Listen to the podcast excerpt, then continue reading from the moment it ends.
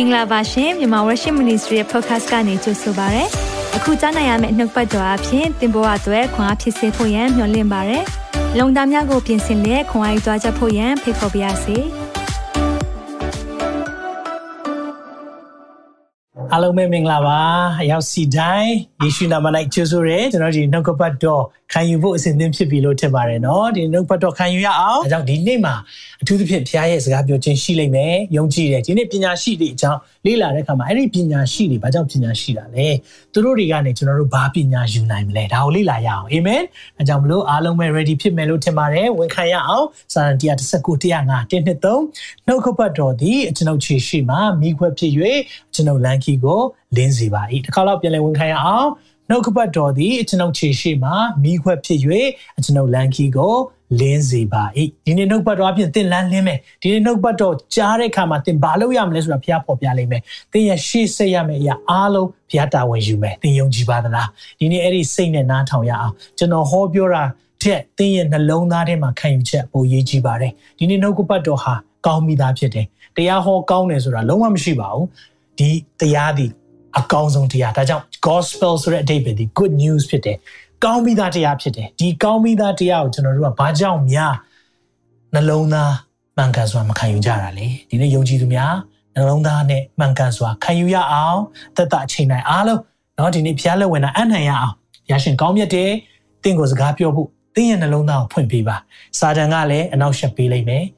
နားမထောင်အောင်လုပ်လိုက်မယ်တင်လွတ်မြောက်မှာအကြောက်ဆုံးဒီစာတန်ဖြစ်တယ်။အဲကြောင့်မလို့ရန်သူကလည်းတင်ကိုချုပ်ကန်ခြင်းပဲဒါပေမဲ့တန်ရှင်သောဝိညာဉ်တော်ကတင်ကိုလွတ်မြောက်ခြင်းပေးလိုက်မယ်။ Amen. Anointing breaks the yoke. ဒီနေ့ anointing ဆိုတာဖခင်ရဲ့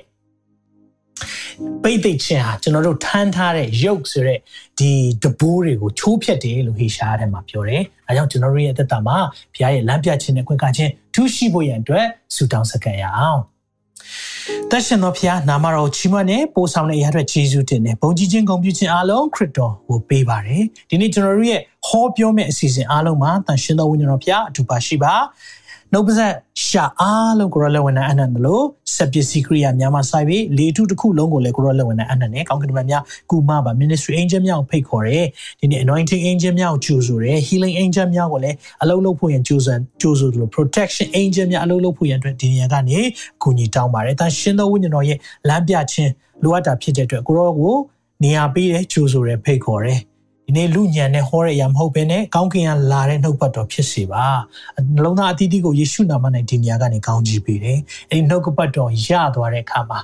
ရီမာကိုယ့်ရဲ့အသက်တာမှာကိုရောစကားပြောတယ်ဆိုတာကိုလုံးလုံးခံစားလျက်ဒီနေ့အသက်တာမှာလွတ်မြောက်ရတဲ့အခွင့်ပေးပါအလိုတော်ဒီကောင်းကင်ဘုံမှာပြည့်စုံခဲ့သောဒီနှုတ်ပတ်တော်ကြီးရှုနေကြသူတိုင်းပုံမှာပြည့်စုံပါစေအသက်ရှင်တော်မူတဲ့တပါးဒီတော်သားတော်မြတ်ယေရှုခရစ်ရဲ့နာမတော်ကိုအမိပြု၍အလွန်ယူသေးစွာနဲ့ဆုတောင်းဆက်ကပ်ပါ၏ပါ အာမင်အာမင်အာမင်အာမင်နောက်ဒီနေ့မှာအဖျားရှင်နှုတ်ပတ်တော်ကျွန်တော်ခေါ်ခွင့်ရတာတိတ်ကိုအခွင့်အရေးထူးဖြစ်တယ်သူသဖြင့်ဒီအချိန်ဟာသခင်ရဲ့မြတ်တာပြောဖို့အကောင်းဆုံးဖြစ်တယ်နေစဉ်းစားကြည့်အောင်လူကမွေးလာတာရည်ရွယ်ချက်ရှိတယ်လို့ခုနကျွန်တော်ပြောတယ်ဒါပေမဲ့အဲ့ဒီမွေးလာတဲ့ရည်ရွယ်ချက်တွေထဲမှာသခင်ယေရှုရဲ့မွေးလာတဲ့ရည်ရွယ်ချက်ကဘာလဲသိလားအသေးခံဖို့မွေးတာ တင်းနဲ့ကျွန်တော်ရဲ့အဖြစ်ကြွေးကိုဆက်ဖို့မွေးတာစဉ်းစားကြည့်အောင်သူတဘောကတလျှောက်လုံးလာတဲ့ရည်ရွယ်ချက်ကအသေးခံဖို့တဲ့ဘလောက်ဒီလိုရည်ရွယ်ချက်ကလေဒီဖျားပဲရှိတယ်လူတိုင်းနိုင်ငံကျော်တိုင်းနော်နိုင်ငံခေါင်းဆောင်တိုင်းနော်အောင်မြင်တဲ့သူတိုင်းဘာပဲဖြစ်ချင်ကြလဲဆိုဖျားပဲဖြစ်ချင်တယ်ဟစ်တလာဆိုလည်းဖျားဖြစ်ချင်တယ်နော်ဂျပန် emperor ဆိုတာဂျပန် A grade တွေကလည်းသူတို့ကိုသူတို့ဖျားလို့ပဲသတ်မှတ်ချင်တယ်လူတွေကလည်းသူတို့ကိုဖျားလို့ထင်တယ်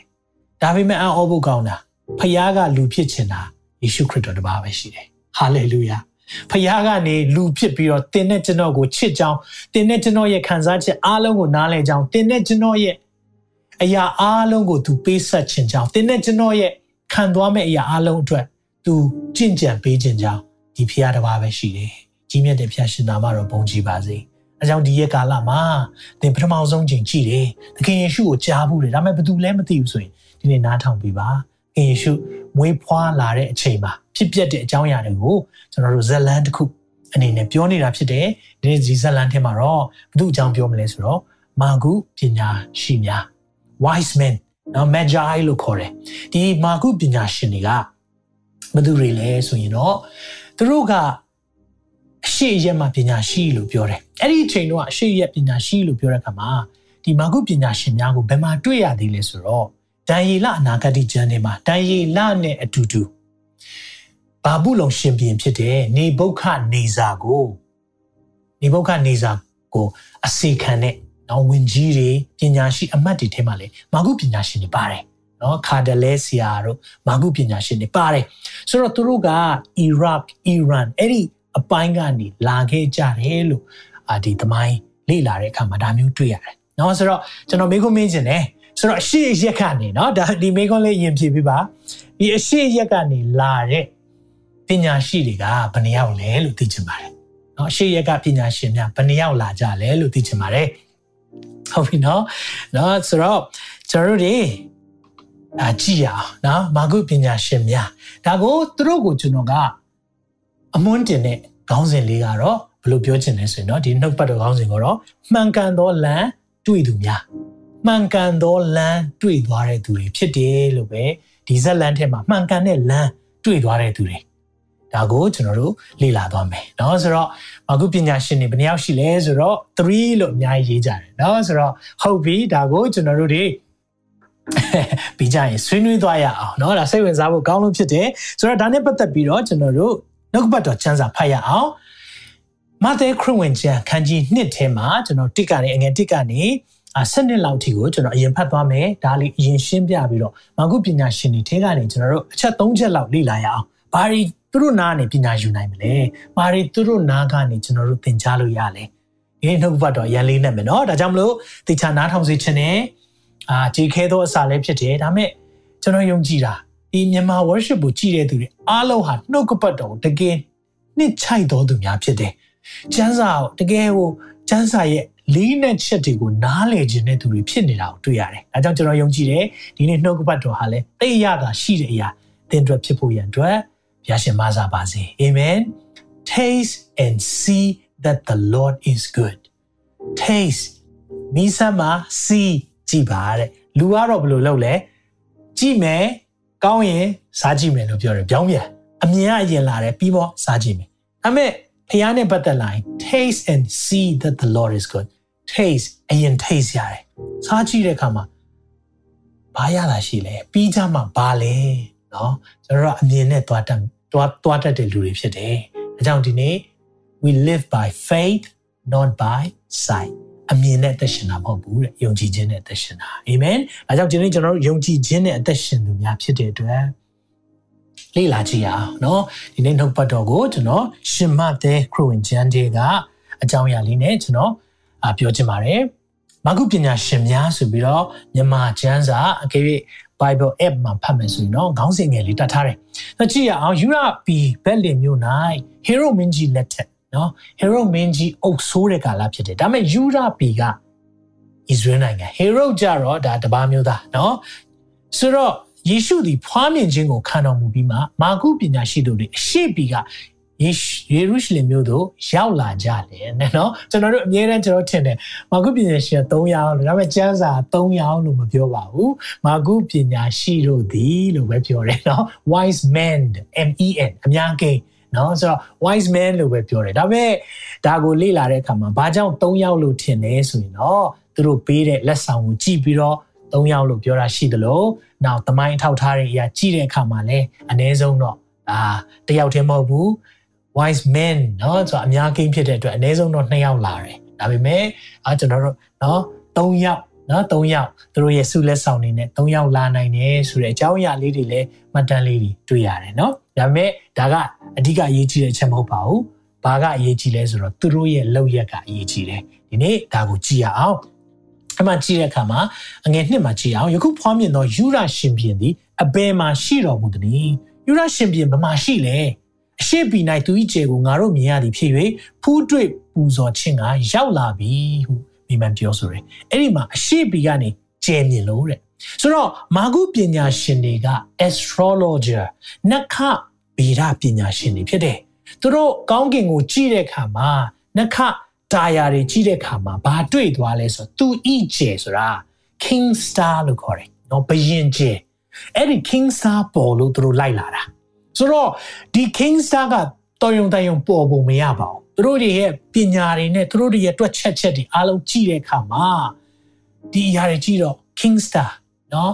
the star of bethlehem ဘက်လင်ကျဲလို့လည်းခေါ်တယ်ဆိုတော့ဒီဘက်လင်ကျဲတနည်းအားဖြင့်ဘယင်ကျဲကိုမြင်တဲ့အခါမှာသူတို့ကအဲ့ဒါကိုကြည့်ပြီးလိုက်လာကြတာဒါဘယင်ပွင့်ပြီးထူးခြားတဲ့ဘယင်ရိုးရိုးဘယင်မဟုတ်ဘူး ဒါကဘာသူကဘာသာအားလုံးရဲ့ဘယင်ဖြစ်တယ်ဆိုပြီးတော့အဲ့ဒီကျယ်ကအချက်ပြလို့သူတို့လိုက်လာတာ။နော်ဆိုတော့သူတို့လိုက်လာတယ်အဲ့ဒါမှကြည့်တဲ့အခါမှာအငယ်သုံးပါထိုစကားကိုကြားလဲအဲ့လိုကြားတော့ဟေရုမင်းကြီးဒီယေရုရှလင်မြို့သူမြို့သားအပေါင်းတို့တွေကစိတ်ပူပန်ခြင်းတို့ရောက်သဖြင့်စိတ်ပူသွားပြီဘာလို့လဲဆိုတော့မင်းလောင်းပွင့်ပြီလို့ပြောတဲ့အခါမှာဟေရုကအဲ့အချိန်မှာသားသမီးမမွေးတဲ့အချိန်ဖြစ်နေမှာပေါ့နော်ဆိုတော့ तू စိတ်ပူတယ်လို့ပြောတဲ့အခါမှာ तू သာ သားငယ်လေးတယောက်မွေးထားတယ်ဆိုရင်တော့အာဟုတ်တယ်မင်းတို့ဖူးမြော်ခြင်းတဲ့တယောက်ကဒီတယောက်ပဲလို့ပြောမှာပေါ့ဖြစ်ချင်တော့ तू ကအဲ့ဒီအချိန်မှာနန်းတော်မှာဘာမှမရှိတဲ့အချိန်ဖြစ်နေတာဘာမှမင်္ဂလာနော်သားသားယန္နာတွေမရတဲ့အချိန်ဖြစ်နေတဲ့အချိန်မှာမင်းလောင်းပွင့်နေဆိုတော့သွားပြီးတာငါထီနန်းကိုထိခိုက်တော့မယ်သူပဲစိတ်ပူတာမဟုတ်ယေရုရှလင်မြို့သူမြို့သားတွေအားလုံးလည်းစိတ်ပူကြတယ်ဟာယူရရှင်ပြည်ဆိုတော့ဒါဒါငါတို့တော်လန်တော့မှာပေါ့နော် ဒါပုံကန်တော့မယ်ဒါငါတို့ကဒါယောမ emperor ယောမနိုင်ငံအောက်မှာထားတာဒါမဲ့ယူရယူရရှင်ပြည်ပေါ်ပြီဆိုတော့ဒါ Jew king of Jews ဆိုတော့ဒါတော်တော်ဆိုးရင်သွားပြီဒါဒါပုံကံမှုဖြစ်တော့မှာဒါငါ့ကိုဒါငါတို့ရဲ့ငါ့ကိုပဲမဟုတ်တော့ဘူးငါတို့နိုင်ငံတစ်ခုလုံးထိခိုက်တော့မယ်သူဆိုးရင်လာပြီစကြည့်အောင် အငယ်လေးမှာယစ်ဘရဟိမင်းအကြီးတို့နဲ့လူတို့တွင်ကြမ်းပြုဆရာတို့ရှိသမျှတို့ကိုစုဝေးစေ၍ခရစ်တော်ကိုအဘယ်အရက်မှာဖွားမြင်လိမ့်မည်နည်းဟုမင်းမြန်းတော်မူ၏တဲ့အာသူကလည်းယစ်ဘရဟိတွေကြမ်းတက်ဆရာတွေကိုခေါ်လိုက်တယ်ကဲလာကြအဲ့ဒီငယ်တော်အဲ့ဒီခရစ်တော် Christ เนาะ Christ ခရစ်တော်လို့ပြောတဲ့အရာဒီကျွန်တော်နားလည်စီချင်တယ်အဲ့ဒါဘာလဲဆိုတော့ title title ဆိုတဲ့အဓိပ္ပာယ်ကဘာလဲဆိုတော့ ခရစ်တော် anointed one ဘိတ်သိက်ခံတော်သူဆိုတဲ့အဓိပ္ပာယ်ဖြစ်တယ် anointed one နော်ဘိတ်သိက်ခံတော်သူ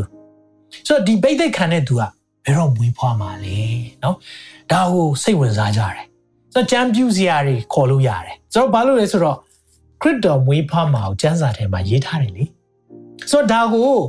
ကျမ်းပြူစရာတွေကလည်းသိတယ်အာဒီတယောက်မွေးမယ်ဆိုတာကိုသတင်းကရနေပြီဆိုတော့ အဲ့ဒီမှာဆက်ကြည့်တဲ့အခါမှာသူတို့ဘာလုပ်ပြီးလဲဆိုတော့ထိုဆရာတို့ကလည်း prophet ဦးရေးထားတော်မူသောအချက်မူကအဲ့ဒီ prophet ကတခြားလူမဟုတ်ပါဘူး prophet မိခါရေးထားတာဖြစ်တယ်။အိုယူရပီဘက်လေမျိုးဆိုရသောယူရမျိုးတွေတင်ဒီမြို့ငယ်မြို့ယုံမဟုတ်အကြောင်းမူကား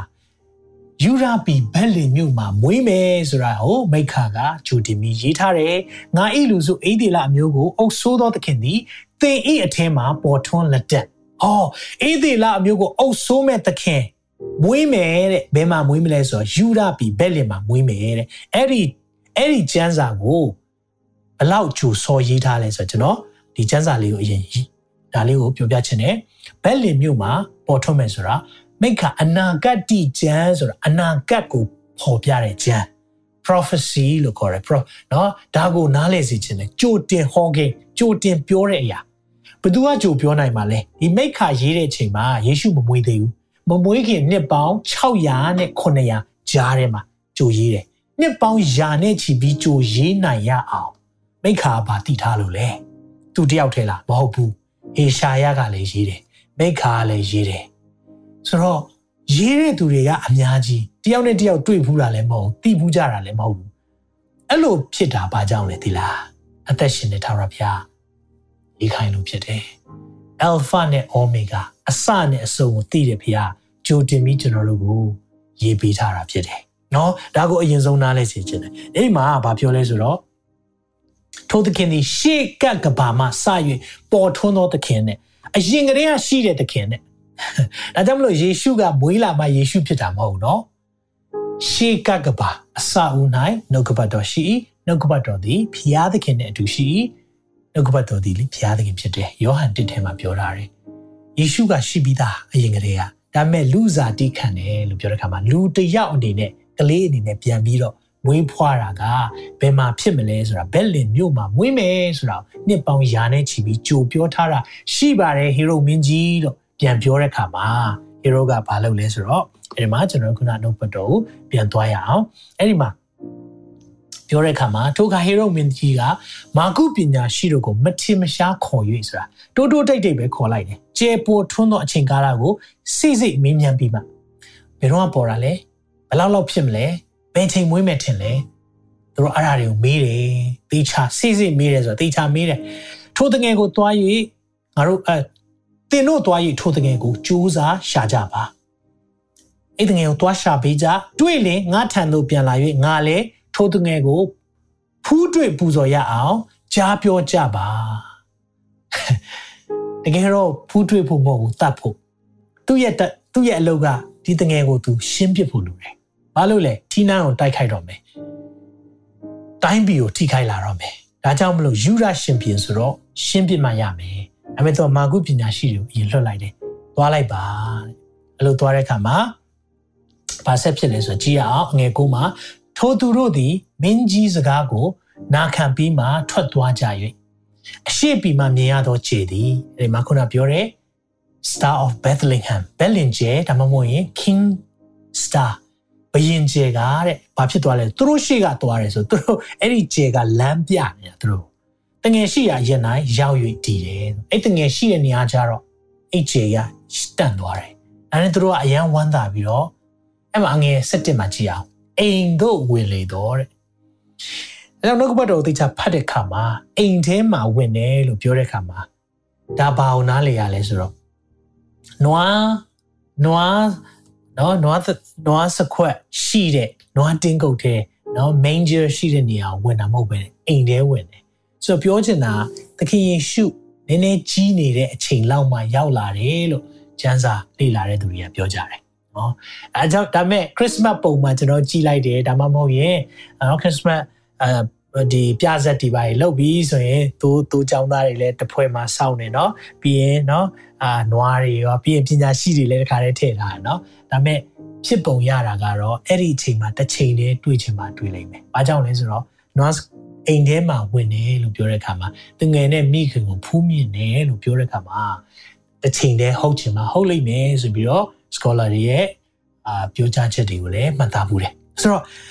သူတို့ရောက်အောင်သွားလိုက်တယ်နော်ရောက်အောင်သွားလိုက်တယ်ပြီးတော့အရှိရက်ကလာတာဖြစ်တဲ့အတွက်ချက်ချင်းကျွန်တော်တို့ကအခုလိုမျိုးဟုတ်လားနော်လမ်းပန်းဆက်တွေကောင်းသေးတာမဟုတ်ဘူးယထာလာလိုက်နော်ကားစီးလိုက်လေယာဉ်နဲ့လာလိုက်အဲ့လိုလာလို့ရတာမဟုတ်အဲ့ဒီအချိန်တုန်းကဆိုရင်ကန်နာရတွေဖြစ်ကျော်လာရတယ်အဲ့ဒီအချိန်တုန်းကဆိုရင်နော်သူတို့တွေ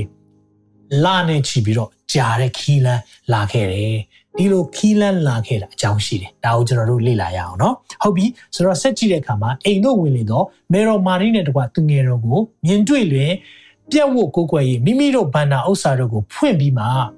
လာဘန်နဲ့မူရန်တီဟူသောနန္တာမျိုးတို့ကို၎င်းရွှေကို၎င်းပူဇော်ကြတယ်အဲ့ဒီမှာလက်ဆောင်၃မျိုးပေးတယ်လောဘန်မူရန်ရွှေဒီ၃မျိုးပေးတယ်ပြီးရင်ဘာအတိတ်ပဲပုံဆောင်လဲဆိုတာကိုကျွန်တော်လေ့လာရအောင် နောက်မှာ hero မင်းကြီးထံမပြန်ရမိအကြောင်း hero စီမသွားဖို့ရန်အတွက်တဲ့အိမ်မက်တွင်ဗျာဒိတ်တော်ကိုရယူအိမ်မက်ထဲမှာဖခင်သူတို့စကားပြောတယ်ဗျာဒိတ်ရသွားတဲ့အခါမှာမိမိတို့ပြည်သို့အခြားသောလမ်းဖြင့်ပြန်သွားကြ၏အခြားသောလမ်းလို့ပြောကြည့်ပါအခြားသောလမ်းเนาะဒါကြောင့်ဒီနေ့နှုတ်ကပတ်တော်ထဲကိုကျွန်တော်လေ့လာရအောင်ဆိုတော့မမကုပညာရှိတယ်เนาะဆိုတော့တို့ကပညာရှိ၃ပါးလို့ကျွန်တော်တို့ကအမြဲတမ်း သုံးနှုံးပေမဲ့ကျမ်းစာကတော့ပညာရှိတို့သည်ပညာရှိတွေပဲပြောတယ်ဆိုတော့ဖြစ်နိုင်တာကတော့เนาะအနည်းဆုံးတော့၃ပါးရှိနိုင်တယ်လို့သတ်မှတ်ကြပေမဲ့အများကြီးလည်းဖြစ်နိုင်တယ်เนาะဒါပေမဲ့အဲ့ဒါအဓိကမဟုတ်ဘူးဒါပေမဲ့အဲ့ဒီပညာရှိတွေကနေပညာယူနိုင်တဲ့အရာလေးတွေရှိတယ်ဒါလေးကိုကျွန်တော်လေ့လာရအောင်နံပါတ်1ချက်သွားရအောင်ပညာရှိများထံမှသင်ခန်းစာနံပါတ်1ကဘာလဲဆိုတော့ဘယင်ကိုဖူးမြော်ဖို့သည်ပညာရှိများ၏ ဦးစားပေးရွေးချယ်သောအရာဖြစ်တယ်။ဦးစားပေးရွေးချယ်တဲ့အရာပညာရှိတွေအတွက်ကလေသူတို့ဘာရွေးချယ်လဲသိလားဘယင်ကိုဖူးမြော်ဖို့အဲ့ဒီဘယင်ကရိုးရိုးဘယင်မဟုတ်ဘူးဘယင်တကာတို့ရဲ့ဘယင်အရှင်တကာတို့ရဲ့အရှင်ကိုဖူးမြော်ဖို့တနည်းအားဖြင့်သခင်ယေရှုကိုတွေ့ဖို့ကသူတို့ရဲ့ priority ဦးစားပေးပဲမိတ်ဆွေကိုမေးခွန်းမေးခြင်းတယ်ဒီနေ့ကျွန်တော်တို့ကအဲ့ဒီသခင်ကိုဖူးမြော်ဖို့ကကျွန်တော်တို့ရဲ့ဦးစားပေးရှာတဲ့အရာဖြစ်ပြီလား ပညာရှင်တွေကတော့သူတို့မိုင်ပေါင်းများစွာဖြတ်တန်းလာခဲ့တယ်သူတို့မှမိသားစုရှိမှာပဲသားသမီးတွေရှိမှာပဲလုပ်ငန်းခွင်တွေရှိမှာပဲဒါပေမဲ့သူတို့သိတယ်အဲ့ကျဲပေါ်လာတဲ့အချိန်မှာဒီကျဲဟာထူးခြားတဲ့ကျဲပဲဒါဘယင်ကျဲဒီကျဲကယူရရှင်ပြည်မွေးမဲ့ကျဲဒီကျဲကတကဘာလုံးရဲ့အုတ်ချုပ်မဲ့ဘယင်ကျဲပဲသူတို့ကြံတဲ့အရာအားလုံးထားခဲ့ပြီးတော့အိတ်ကျဲနောက်လိုက်တယ်။ဘာကြောင့်လဲအိတ်ကျဲကနေသူတို့တွေးချင်တဲ့ သူတို့ဖူးမြော်ချင်တဲ့ဘယင်ကိုသူတို့တွေးနိုင်တယ်။အဲကြောင့်သူတို့ကဘာလုပ်တာလဲဆိုတော့ဒီနေ့ဘုရားကလည်းနော်ကျွန်တော်တို့စကားပြောတာမတူဘူး။နော်တချို့တွေဆိုရင်ကျွန်တော်တို့ကိုကျင်နဲ့ပြလဲကျွန်တော်တို့ကသိမှာမဟုတ်ဘူးလေနော်။ကျွန်တော်တို့ကျင်နဲ့ပြလဲအော်ကျယ်ရီကျွေသွားတယ်ပေါ့နော်။တချင်းတောင်ရှိသေးတယ်ဟလား။ကျယ်ရီကျွေသွားသည့်တိုင်မဟုတ်တော့တချင်းတွေတော့ဆိုတယ်။ဒါပေမဲ့ကျွန်တော်တို့ကျယ်ကဘာဖြစ်တယ်ညာဖြစ်တယ်ကျွန်တော်မသိဘူးနော်။မသိပေမဲ့ပညာရှင်တွေကြတော့ အဲ့ကျယ်ကဘယ်လိုဖြစ်နိုင်လဲသူတို့တွက်ချက်တယ်။ဒါပေမဲ့မစိုးရိမ်နဲ့ပညာရှိတွေကိုဘုရားပညာရှိနည်းနဲ့စကားပြောတယ်လို့တိုးเจ้าသားတွေကိုじゃတဲ့သွားပြောတယ်။တိုးเจ้าသားတွေကြတော့ကျယ်တွေ့လဲသူတို့ဘာမှမသိဘူးဆိုတော့ကဲပဲလီမျိုးမှာမွေးပြီဟေးကောင်းကင်တမန်တွေကသွားပြောပေးလိုက်တယ်။အဲ့နဲ့သူတို့ကသွားတယ်။တချို့ကိုအိမ်မက်ထဲမှာစကားပြောတယ်။နော်ဒါကြောင့်ဖျားစကားပြောတဲ့ပုံတစ်ခုနဲ့တစ်ခုမတူဘူး။ဒါပေမဲ့ ဖျားစကားပြောပြီးပြီဟေးဆိုရင်တော့ရွေးချယ်ခြင်းမှာတော့တူညီဖို့လိုတယ်။တချို့တွေကိုကောင်းကင်တမန်နဲ့ပြောတယ်။ဒါပေမဲ့အဲ့ကောင်းကင်တမန်နဲ့ပြောတဲ့တိုးထိန်တွေကလည်းတခါတည်းဘယင်ကိုဖူးမြော်ဖို့သွားတယ်။ကျေတွေ့တဲ့ပညာရှိတွေကလည်းတခါတည်းဘယင်ကိုဖူးမြော်ဖို့သွားတယ်။အိမ်မက်ထဲမှာမြင်တဲ့သူတွေကလည်းချက်ချင်းကိုနော်အထူးသဖြင့်ယောသက်ဆိုရင်အိမ်မက်ထဲမှာမြင်တဲ့သူဖြစ်တဲ့ခါမှာတခါတည်းနဲ့ သူဘယင်ဖူးမြော်ခွင့်ရဖို့ရန်အတွက်ပြင်ဆင်တာအဲ့ဆိုနားလဲစေချင်တယ်ဒီနေ့မှာကျွန်တော်ဘာဦးစားပေးနေလဲသင်ရဲ့ဦးစားပေးတဲ့အရာကဘယင်ကိုဖူးမြော်ဖို့ဖြစ်ပါစေအဲကြောင့်တကယ်ပညာရှိတွေဘာလုပ်လဲဆိုတော့ကျွန်တော်ပြောပြချင်တယ်ဒီမှာကြည့်တဲ့အခါမှာတကယ်ပညာရှိတွေကယေရှုဖွားမြင်မဲ့အရာကိုဘယ်မှာရှိတယ်လဲအရှိပီကနေသူ့ရဲ့ကျယ်ကိုမြင်ရ၍ဖူးတွေ့ပူဇော်ခြင်းကရောက်လာပြီအရှိပီကနေသူတို့လာတယ် မိုင်မောင်းများစွာဖြတ်လာတယ်။ဘာကြောင့်လဲသိလား။တကယ်ပညာရှိတော်သူဟာလေဖခင်ကိုနံပါတ်1ထားတယ်။ဒါကိုနားလဲစေချင်တယ်။အာမင်။တကယ်ပညာရှိတော်သူကဖခင်ကိုနံပါတ်1ထားတယ်။ဆိုတော့ဘုရားသခင်ကိုနံပါတ်1ထားတော်သူသာစစ်မှန်သောပညာရှိဖြစ်တယ်။အာမင်။ comment ရေးပါဦး။ဖခင်ကိုနံပါတ်1ထားတော်သူသာလျင်စစ်မှန်သောပညာရှိဖြစ်တယ်။ဒီနေ့သင်ကိုကျွန်တော်စင်ခေါ်ခြင်းတယ်။သင်မှာလောကပညာရှိကောင်းရှိလိမ့်မယ်။ တင့်မှာဥစ္စာရှိကောင်းရှိလိမ့်မယ်ဒါပေမဲ့အဲ့ဒီအရာတွေအားလုံးကသခင်နဲ့ရွေးချယ်ခွင့်ရှိလာပြီဟဲ့ဆိုသင်ပါရွေးမလဲသင်ပညာရှိပါစေအခါလေးကျွန်တော်လောကပညာတွေအများကြီးသိလာတဲ့အခါမှာ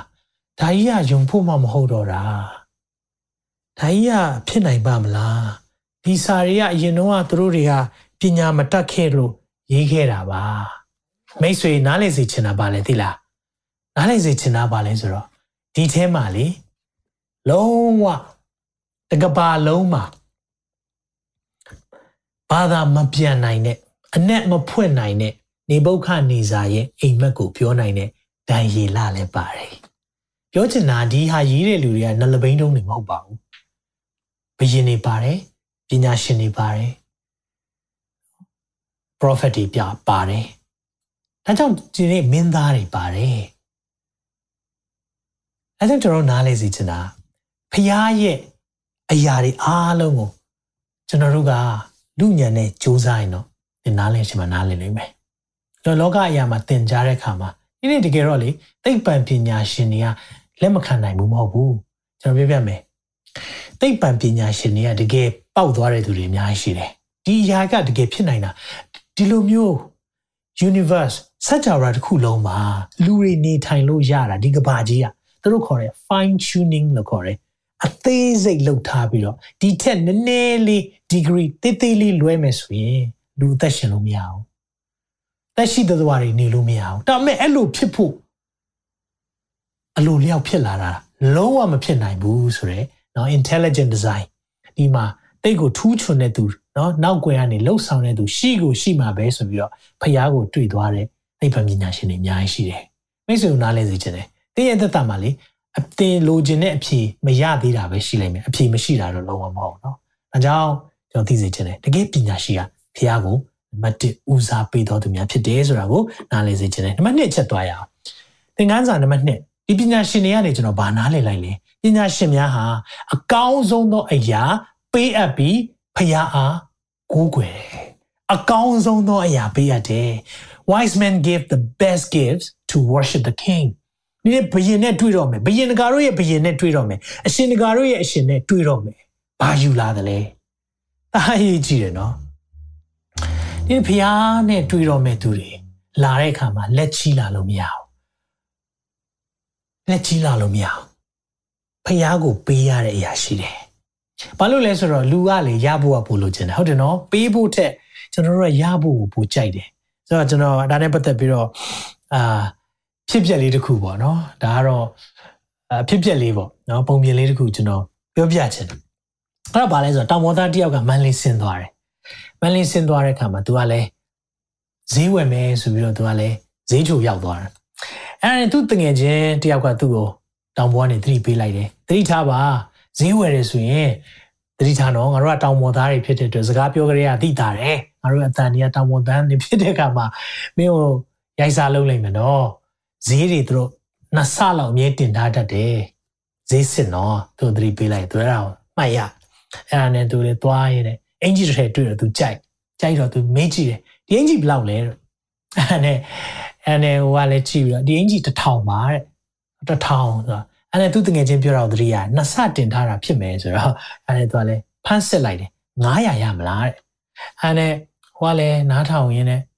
အာ900တော့မလုပ်ပါနဲ့ကျွန်တော်တို့အခုဒါခုမှပဲဆိုင်ဖွင့်တာဈေးပေါက်ဆိုတော့မလုပ်ပါနဲ့ဒီလိုလုပ်မယ်နော်ကျွန်တော်800နဲ့ပေးမယ်လို့ပြောလိုက်တယ်အဲ့နဲ့သူက800လို့ကြားတယ်နဲ့သူကဈေးပြန်စစ်လိုက်တယ်400ရမလားတဲ့ဆိုတော့ဘာလို့ဆိုနှစ်ဆတင်ထားတယ်ဆိုတဲ့ဟာသူဆွဲနေတော့400ရမလားတဲ့အဲ့လိုပြောတော့ဟိုကအာ400တော့မလုပ်ပါနဲ့400တော့လုံးဝမရနိုင်ဘူးကဲကဲဒီလိုလုပ်ရအောင်ကျွန်တော်မိတ်ဖြစ်ဆွေဖြစ်เนาะတောင်ပေါ်သားတွေပြင်မဲ့ကျွန်တော်မိတ်ဖြစ်ဆွေဖြစ် 900 900နဲ့ပေးလိုက်မယ်နော်ဆို900လဲကြားတယ်350ရမလားဈေးပေါက်စစ်လိုက်ပြန်အောင်အားနဲ့ဆိုင်ရှင်နဲ့ဒေါကန်လာပြီဒါပေမဲ့တော့လဲဈေးဥပေါက်ဖြစ်နေတော့ဈေးဥမကြိုးချင်ဘူးပေါ့အားနဲ့မဖြစ်ဘူးမဖြစ်ဘူးတော့ဟိုဒီမှာကျွန်တော်ပြောမယ်ကျွန်တော်လုံးဝအဲ့ဒီဈေးတော့မရဘူးမကျွန်တော်ဒိုင်ဈေးနဲ့ပေးလိုက်တော့မယ်ဗျာကျွန်တော်အလုပ်သမားခါတွေပါတယ်အကုန်လုံးမယူတော့ဘူးအားလုံးเนาะကျွန်တော်အရင်တိုင်းကိုပေးလိုက်တော့မယ်ကဲနောက်ဆုံးကျွန်တော်ဒီမှာ600နဲ့ပေးလိုက်မယ်နော် 600လားဆို600လဲချာတော့ပါပြောဆို300နဲ့ရမလားဒီတစ်ခေါက်တော့ဆိုင်ရှင်ကလုံးဝသီးမခံနိုင်တော့အရန်စိတ်ဆိုးသွားပြီအဲ့နဲ့အင်ဂျီကိုတော့ယူလိုက်ပြီးတော့အဲ့လူကိုပြစ်ပေးပြီးတော့အလကားယူသွားလိုက်တော့လို့သူကရွဲ့ပြီးပြောတယ်ဟိုလူကဘာပြောလဲဆိုတော့နှစ်ထည်ရမလားတဲ့ကျွန်တော်တို့ကနှစ်ထည်လိုချင်တဲ့အဖွဲတွေဖြစ်တယ်နော်ဆိုတော့တခုခုကိုကျွန်တော်တို့ကပေးကမ်းဖို့တဲ့ နော်ရဖို့ပို့ပြီးတော့စိတ်ဝင်စားတယ်ဒါ human nature နော်လူရဲ့တဘာဝဖြစ်တဲ့အခါမှာအဲကျွန်တော်တို့ကနှစ်ထည်လိုချင်တဲ့အပွဲတွေဖြစ်တယ်ဒါပေမဲ့ကျွန်တော်တို့ကနားလေရမှာကသခင်စီသွားတဲ့အခါမှာကျွန်တော်တို့ကိုဖះတောင်းတဲ့အရာတွေရှိတယ်ဖះကသူ့ထန်လာတဲ့အခါမှာဒါဆိုရင်အားဒါဆိုရင်ငါတို့ကဆင်းရဲတဲ့သူဆိုတော့ဖះစီလာရင်ငါတို့မပေးကမ်းနိုင်ဘူးမိတ်ဆွေဖះလိုချင်တာရွှေငွေမဟုတ်ဘူးနော် အာငါတို့ကပညာမရှိဘူးပညာမတတ်ဘူးငါတို့ကအတိုင်းဝိုင်းမရှိတော့ငါတို့ဖះကိုဖူးမြော်ခွင့်ရပါမလားဒီနေ့လေဒီအရာတွေကိုဖះကြိုတင်သိလို့နန်းတော်မှာမမွေးတာနန်းတော်မှာမွေးရင်လေကျွန်တော်တို့သွားဖူးခွင့်ရမှာမဟုတ်ဘူးနန်းတော်မှာမမွေးပဲနဲ့နွားစခွက်မှာမွေးတာအကြောင်းရှိတယ်။ဘာကြောင့်လဲဆိုတော့လူတိုင်းစိတ်ဖူးမြော်ခွင့်ရအောင်လို့နှိမ်ချစွာမွေးခြင်းကိုပြတာဖြစ်တယ်။လူတိုင်းစိတ်တိုးချောင်းသားတွေနန်းတော်ဆိုလာခွင့်ရမှာမဟုတ်ဘူး။ ဒါကြောင့်ကျွန်တော်တို့တွေနားလေစေချင်တယ်။ဒါပေမဲ့အဲ့လိုသခင်ကိုဖူးမြော်ခွင့်ရတဲ့အခါမှာပညာရှိတွေကလက်ဆောင်သုံးခုယူလာတယ်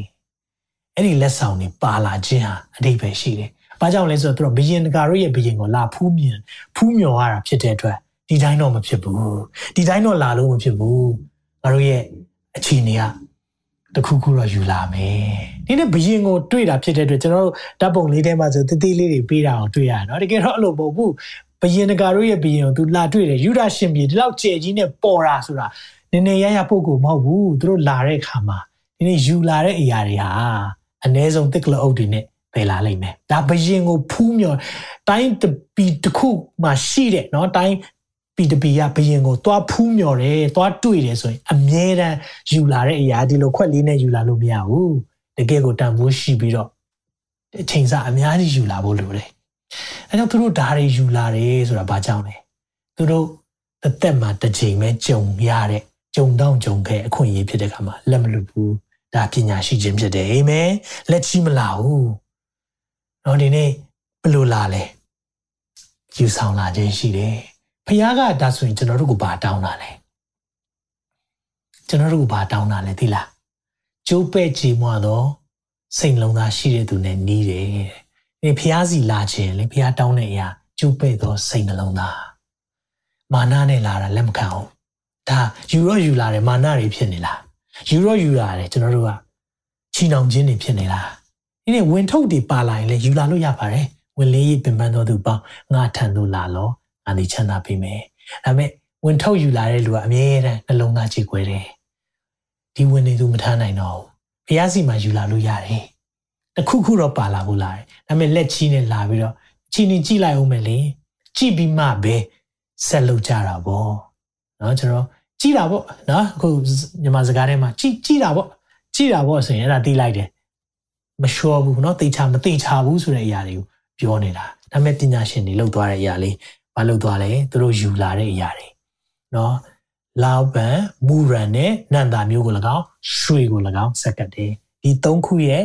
အနက်ဒိတ်ပဲကိုကျွန်တော်အဆုံးမှာပြောပြချင်တယ်။ဘာကြောင့်ဒီသုံးခုပေးတာလဲ။ယေရှုကိုသူတို့ဘယ်လိုမြင်တယ်လဲ။သခင်ယေရှုကိုဘယ်လိုလို့သူတို့ကသိတာလဲ။ဒီအရာလေးတွေကိုပြောပြသွားမှာဖြစ်တယ်ဟုတ်ပြီနော်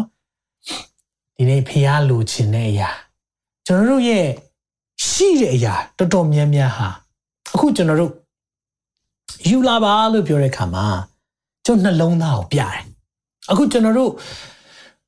bank statement ဆိုဒီနိုင်ငံခြားမှာတော့ bank statement ဆိုကျွန်တော်တို့တစ်လတာဘာသုံးတယ်လဲဆိုတော့ဟို statement ပေးတယ်စာရွက်ပေးတယ်အဲ့မှာကျွန်တော်တို့ဘာသုံးလိုက်တယ်เนาะဘယ်ဆိုင်မှာဘာဝယ်လိုက်တယ်အကုန်လုံးစီးရင်ရှိတယ်အဲ့လိုစီးရင်ရှိတဲ့အရာတော်တော်များများကိုကြည့်လိုက်ရင်တင့်နှလုံးသားထဲမှာဘာတကယ်ရှိသလဲဘာအတွက်ဦးစားပေးတယ်လဲသိချင်လေအဲ့ bank statement ကြည့်ကြည့်လိုက်တချို့တွေကလည်းအစားအသောက်အတွက်အရန်သုံးသုံးကြတယ် ချိန်လုံးကြည့်လိုက်ရင် take out uber eat ဟလာကျွန်တော်တို့เนาะဒီမှာဆိုရင်တော့အကုန်ရှိတယ်ဟလာအဲ deliveroo တော့ဘာလို့အကုန်လုံးဒီမေးအခုအတားလွယ်ပြီဖုန်းလေးနဲ့ဈေးဝယ်လို့ရတဲ့ခင်ပဲဆိုတော့ Amazon ကဟာတွေများနေလား eBay ကဟာတွေများနေလားကျွန်တော်ကြည့်ရအောင်ဘယ်မှာသုံးလဲ online shopping တွေများနေလားဟလာဒါတွေကြည့်လိုက်တဲ့အခါမှာတင်တင်ရဲ့ငွေသုံးတာအများဆုံးနေရဘယ်နေရာရောက်နေလဲ အိမ်လာကတော့မပြောပါဘူးเนาะအိမ်လာကတော့လူတိုင်းပေးရတယ် mortgage လူတိုင်းပေးရတယ်ဒါပေမဲ့ကျွန်တော်တို့ဓာတ်တွေအပြင်ကိုကျွန်တော်တို့သုံးတဲ့ဟာပါတွေလဲဓာတ်တွေကိုကြည့်လိုက်ရင်เนาะတင်တောက်စားမှုရဖို့ဝိုင်ဖိုးတွေရမ်းကုန်နေလားအဲဆိုတင်နှလုံးသားရှင်းရှင်းလေးပဲအကြောင်းလဲဆိုသခင်ပြောထားတယ်မဿဲ6:27မှာအကြောင်းမူကအကျင့်ရက်၌တင်တို့ဘန္နာရှိ၏ထိုရက်၌တင်တို့စိတ်နှလုံးရောက်တယ်တဲ့ကိုသုံးတဲ့နေရာအများဆုံးဟာအရောက်ဆုံးပဲကျွန်တော်ရင်တော့အသုံးအများဆုံးကတော့ music ပဲ music ပစ္စည်းမှန်သမျှကျွန်တော်ဝယ်ခြင်းတယ်ဝယ်ဖို့ကြိုးစားတယ်အာကျွန်တော်စိတ်ရောက်တယ်ပေါ့ဒီအရာကျွန်တော်မှာ music စာအုပ်ပေါင်းမြောက်များစွာလဲဝယ်ထားသေးတယ်ရှိတယ်အခုချိန်ထိဒါအပြင်ကို music ပစ္စည်းဆိုတဲ့အရာအများအားအသစ်ထွက်တယ်เนาะကျွန်တော်တို့ effects တွေအော်ဂီတာနဲ့ပတ်သက်တဲ့ဟာတွေဆိုကျွန်တော်အများကြီးစုလို့ရှိတယ်ဘာလို့လဲဆိုတော့အဲ့ဒီအချိန်တော့ကျွန်တော်ရသမျှနဲ့ကျွန်တော်သုံးချင်တဲ့အရာကျွန်တော်စိတ်နှလုံးရောက်တာတနည်းအားပဲ music ပဲ တနည်းအားဖြင့်ကျွန်တော်ဘာကိုးကွယ်တာမသိလား music ကိုကိုးကွယ်တာဒါမဲ့ဒီနေ့ကျွန်တော် music ကိုမကိုးကွယ်တော့ hallelujah ဒီနေ့နားလည်သွားတယ်အဲ့ music ကိုလေသုံးပြီးတော့သခင်ကိုကိုးကွယ်တယ် amen ဒီအရင်တော့ကျွန်တော် music ကိုကိုးကွယ်တာဒါပေမဲ့အခုချိန်ကျတော့ဒီ music ကိုသုံးပြီးသခင်ကိုကိုးကွယ်တာ hallelujah အဲ့ဒီအချိန်မှာကျွန်တော်နားလည်လာတယ်အရေးကြီးဆုံးကပါလေအော်ဖះကိုအကောင်းဆုံးပေးတယ်မှန်တယ်အဲ့ဒီအတွက်သုံးဒါပေမဲ့အရင်တော့လို့ တော့ဒါငါသုံးလိုက်ရင်ငါသူများထက်ပိုပြီးတော့ပိုပြီးအဆင့်တန်းမြင့်သွားမယ်သူများထက်ပိုသာသွားမယ်ကိုယ့်ရဲ့ဂုံသတင်းကြော်ကြားခြင်းအတွက်လှုပ်ချင်တဲ့အရာတွေမဟုတ်တော့ဘဲနဲ့ဒီအရာသုံးခြင်းအပြင်သခင်ကိုငါဘယ်လိုမျိုးစိတ်ချမ်းသာအောင်လုပ်နိုင်မလဲအာမင်အဲကြောင့်တန်ကြီးပိုးရွမဖြက်စီးနိုင်နဲ့တကိုးထွင်းဖောက်လို့မရတယ်ကောင်းကင်ဘန်နာကိုစီးပူပါလို့ကျမ်းစာမှာပြောတာမြေကြီးပန္နာဆိုတာအခုကျွန်တော်မြင်တွေ့နေရတဲ့အရာအကုန်လုံးပျက်စီးသွားမယ်။ပိုးကြိုက်သွားမယ်။ ဒါပေမဲ့ကောင်းကင်ပန္နာဒီဒါကြောင့်ကျွန်တော်ဖာနာတွေကိုအထူးကျေးဇူးတင်ချင်တယ်။ကောင်းကင်ပန္နာကိုကြိုက်တာ။ကျွန်တော်နဲ့လက်တွဲတယ်ဆိုတာကောင်းကင်ပန္နာဒီနေ့သာရကာလမှာမျက်နှာငယ်တဲ့သူတွေမဖြစ်ရအောင်ဒီအချိန်မှာစိုက်ပျိုးရတဲ့အချိန်ဖြစ်တယ်အာမင်ဘယ်အတွက်စိုက်ပျိုးလဲစိုက်ပျိုးခြင်းရိတ်သိမ်းခြင်းဆိုတာစัจ java ရဲ့နေရာမှာဖြစ်တယ်သင်စိုက်တဲ့အရာပဲသင်စားရတာဒီနေ့စိုက်တဲ့အရာမှာတိုးပွားခြင်းရှိတယ်အဲကြောင့်သင်ပါစိုက်လဲကျွန်တော်တို့လည်းမစိုက်လို့မရအောင် ဒီနေ့ဖခင်နိုင်ငံတော်ထဲမှာကျွန်တော်တို့ကိုယ်တိုင်ခွန်အားစိုက်ရတယ်ငွေကြီးစိုက်ရတယ်လှုပ်ဆောင်မှုတွေအကုန်လုံးစိုက်ရတယ်ဒါပေမဲ့အဲ့ဒီအရာအလုံးရိတ်သိမ်းခွင့်ရှိတယ်မြန်မာ worship ကို2015ကစတာ9နှစ်လုံးလုံးစိုက်ရတယ်ဒီနှစ်မှာဖခင်ကလေမြောက်များစွာတိုးပွားခွင့်ပေးတယ်ဟာလေလုယာဒါပေမဲ့အဲ့ဒီမှာမရက်သွားဘူးပြန်စိုက်ဖို့လိုတယ်ဖခင်ရဲ့နိုင်ငံတော်ထဲမှာပြန်ရင်းနှီးမြှုပ်နှံဖို့လိုတယ်သင်ရင်းနှီးမြှုပ်နှံဖို့အတွက်ကုမ္ပဏီရှာနေပြောပြချင်တယ်ကောင်းကင်ကုမ္ပဏီကအကောင်းဆုံးဖြစ်တယ်ဟာလေလုယာ ဒီနေ့အဲ့ဒီကောင်းကင်ကုမ္ပဏီကတရားမှာတရားတိုးပွားတဲ့နေရာဖြစ်တယ်ဟာလေလုယာဒီနေ့ဒါကြောင့်မလို့ရနိုင်ငံတော်ထဲမှာဒီနေ့သင်ပါဝင်တဲ့အသင်းတော်သင်ပါဝင်တဲ့ ministry ပံ့ပိုးပါဘေးမှာမိဘမဲ့တွေမုတ်ဆိုးမတွေအငယ်ဆုံးသောသူတွေရှိတယ်ပံ့ပိုးပါအဲ့ဒီအရာတွေကလေဒီနေ့မှာသခင်နှလုံးသားကိုဟတ်ထိစေရရတယ်ဖြစ်တယ်အဲကြောင့်ကျွန်တော်တို့မြန်မာ worship ministry ကနေကျွန်တော်တို့အငယ်ဆုံးသောသူသာသနာဆိုပြီးကျွန်တော်ရှိတယ်အဲ့ဒါကကျွန်တော်ဘာတွေလုပ်လဲ လမ်းဘေးမှာမစားနိုင်တဲ့သူတွေအားလုံးကိုအစားတော့ကျွေးပြီးတော့ခရစ်တော်ရဲ့ကယ်တင်ခြင်းသတင်းစကားကိုဟောတဲ့အစီအစဉ်ရှိတယ်ပြီးရင်ကျွန်တော်တို့အမှုတော်ဆောင်တွေပံ့ပိုးတဲ့အစီအစဉ်ရှိတယ်ပြီးရင်မုတ်ဆိုးမမိဘမယ်တွေကြီးရှုတဲ့ကဏ္ဍတွေရှိတယ်ဒီຢာတွေအားလုံးဘာကြောင့်လုပ်လဲသိနေတယ်ဒါယဉ်နီးမြုပ်နှံတာဘယ်တော့မှမရှုံဘူးဖះကိုလေဘယ်တော့မှတင်ပေးလိုက်လို့ရှုံးသွားတဲ့လူဆိုတာဒီနေ့ထိမကြဘူးဟာလေလုယာတိုးပွားတဲ့သူတွေပဲဖြစ်တယ် အဲကြောင့်ကျွန်တော်တို့နှစ်ထည့်လို့ခြင်းလားနော်နှစ်ထည့်ရမလားဆိုရင်လေသခင်စီမှာစိုက်ပြလိုက်ပါဟာလေလုယာအဲကြောင့်ပညာရှိများအကောင်းဆုံးအရာပြီးပြီးတော့ကိုးကွယ်ကြတယ်ဆိုတဲ့အရာကိုတွေ့ရတယ်နောက်နံပါတ်3ချက်နဲ့နောက်ဆုံးချက်ကပါလဲဆိုတော့ပညာရှိများဟာလာလန်းနဲ့ပြန်လန်းမတူဘူး wise men went back differently လာလန်းနဲ့ပြန်လန်းမတူဘူးတဲ့ဘာကြောင့်လဲဆိုတော့ ဒီမှာဗာပြောထားလဲဆိုတော့အငယ်6မှာကြည့်တဲ့အခါမှာသူတို့မြင်တယ်တဲ့အငယ်7မှာကြည့်တဲ့အခါမှာသူတို့သူငယ်ကိုတွေ့ပြီးတော့နောက်မှဟေရိုမင်းသူတို့ကသူငယ်ကိုဖူးမြော်ပြီးတော့ဟေရိုမင်းကြီးပြောထားလို့သူတို့ကလည်းပြန်သွားတွေ့မလို့အဲ့လိုသွားတွေ့ဖို့လုပ်ပေမဲ့နောက်ဆုံးကြတော့သူတိလိုက်တယ်။နော်အဲ့လိုသွားလို့မဖြစ်ဘူး။ပြာရိတ်တော်ဆိုတော့ဖះပြောပြီးဟေရိုမင်းကြီးစီမသွားဘူး။အခြားလမ်းကနေပြန်သွားတယ်။သူတို့လာလန်းနဲ့ပြန်လန်းမတူဘူး။ဒီဒါလေးကိုကျွန်တော် ပြောပြချင်တယ်။ဘာကြောင့်လာလန်းနဲ့ပြန်လန်းမတူတာလဲ။ပြောပြမယ်။သခင်နဲ့တွေ့ပြီးတဲ့သူတိုင်းလာတဲ့ပုံစံနဲ့ပြန်တဲ့ပုံစံလုံးဝမတူဘူး။သခင်နဲ့တွေ့ပြီးပြီယေရှုခရစ်နဲ့တွေ့ပြီးတဲ့သူတိုင်း ဘာကြောင့်လဲလူမီဒီကခရစ်တော်၌ရှိလျင်အသစ်ပြုပြင်သောသတ္တဝါဖြစ်၏ဟောင်းသောအရာတို့သည်ပြောင်းလဲ၍ခတ်သိမ်းသောအရာတို့သည်အသစ်ဖြစ်ကြပြီသင်လူဟောင်းပုံစံတွေပဲရှိနေဆိုအဲ့သခင်နဲ့တွေ့လိုက်ပါသခင်နဲ့တွေ့ပြီးပြီသခင်စီမှာလာတဲ့ရည်ရွယ်ချက်ကသခင်ကိုတွေ့ခြင်းနဲ့ဦးစားပေးပြီးရှာခြင်းနဲ့စိတ်နဲ့လာမယ်သခင်ကိုလာတဲ့အခါမှာလက်ချီးမလာဘဲနဲ့တခုခုနောက်ဆုံးနှလုံးသားချိုးပေးတဲ့နှလုံးသားနဲ့လာမယ်အဲ့ဒီလူအခြားသောလမ်းနဲ့ပြန်သွားခွင့်ရတယ်အန်ဒီရဲ့ကင်းတဲ့အဲ့ဒီအခြားသောလမ်းကအဲ့ဒီလမ်းက တမာတရားအလင်းနဲ့ပြည့်တဲ့လမ်းဖြစ်တယ်ဒီနေ့2020မှာကျွန်တော်တို့လူတိုင်းခက်ခဲစွာကြုံရတယ်နော်ဒါတကဘာလုံး pandemic ဆိုတာကဘာကပ်ဖြစ်တဲ့နှစ်ဖြစ်နေတယ်နော်ဆိုတော့ဒီဒီကာလမှာအသက်ရှင်တဲ့အခါမှာကျွန်တော်တို့ကြည့်တဲ့အခါမှာဟာ2020မြန်မြန်ပြီးခြင်းပြီ2021ကိုစောင့်နေပြီ2021မှာဘာတွေကြုံရမလဲကျွန်တော်ရင်ခုန်နေမိယာတွေကိုပြင်ဆင်ကြတယ်ဆိုရင်ဒီနေ့ကျွန်တော်အကောင်းဆုံးပြောပြချင်တယ် သခင်နဲ့တွေ့လိုက်ပါ